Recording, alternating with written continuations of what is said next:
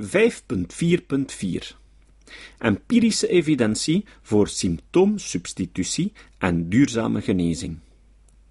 Als we de Freudiaanse overtuiging willen evalueren dat enkel de diepe inzichten van de psychoanalyse tot duurzame genezing leiden en dat oppervlakkige psychotherapieën zonder die inzichten resulteren in symptoomsubstitutie, dan moeten we de verschillende componenten van de bewering onderscheiden.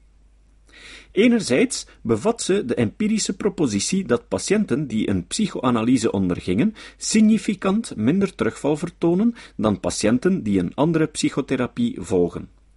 Anderzijds is er de specifieke psychoanalytische verklaring voor dat vermeende empirische verschijnsel, die stelt dat 1. De symptomen bij de oppervlakkige psychotherapieën onderdrukt worden en dat het onderliggende onbewuste complex nadien een uitweg zoekt in andere symptomen. 2.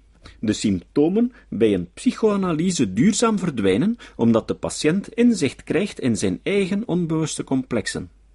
De waarheid van de empirische propositie van hierboven is een noodzakelijke, maar geen voldoende voorwaarde voor die specifieke psychoanalytische verklaring. In het geval die empirische propositie door onderzoeken bevestigd wordt, zijn er nog altijd rivaliserende, theorie-neutrale verklaringen denkbaar die het verschil in terugval zouden verklaren. De lange duur van een psychoanalyse, de specifieke therapeutische setting, het aanreiken van een semi-mythologisch verklaringskader. Gelukkig hoeven we ons niet te veel zorgen te maken omtrent deze overwegingen, want er is hoe dan ook geen spatje empirische evidentie voor de beweringen dat de graad van terugval bij gewone psychotherapieën hoger is dan een psychoanalytische therapie, of dat deze laatste meer duurzame effecten zou bereiken.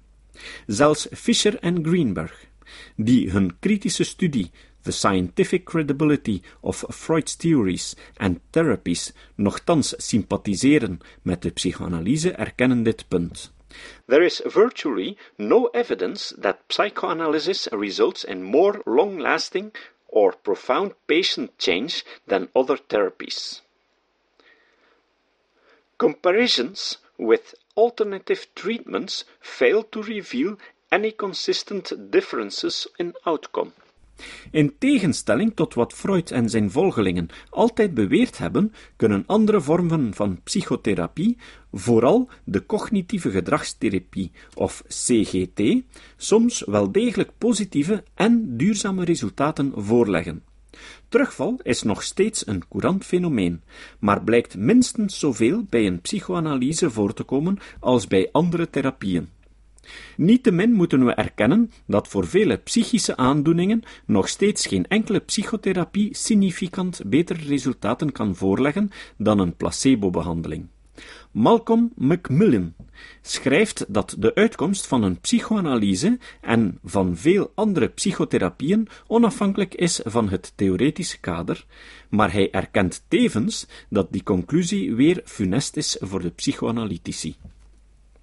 Widespread recognition that the truth of psychoanalytic theory is independent of the theory's plausibility, and that his truth has no bearing at all on what little special effectiveness it does have as a therapy, would completely undermine any claim of psychoanalysis to uniqueness, apart from the role as a belief system and a social movement, its status would revert to that of any of the other poorly understood psychotherapies.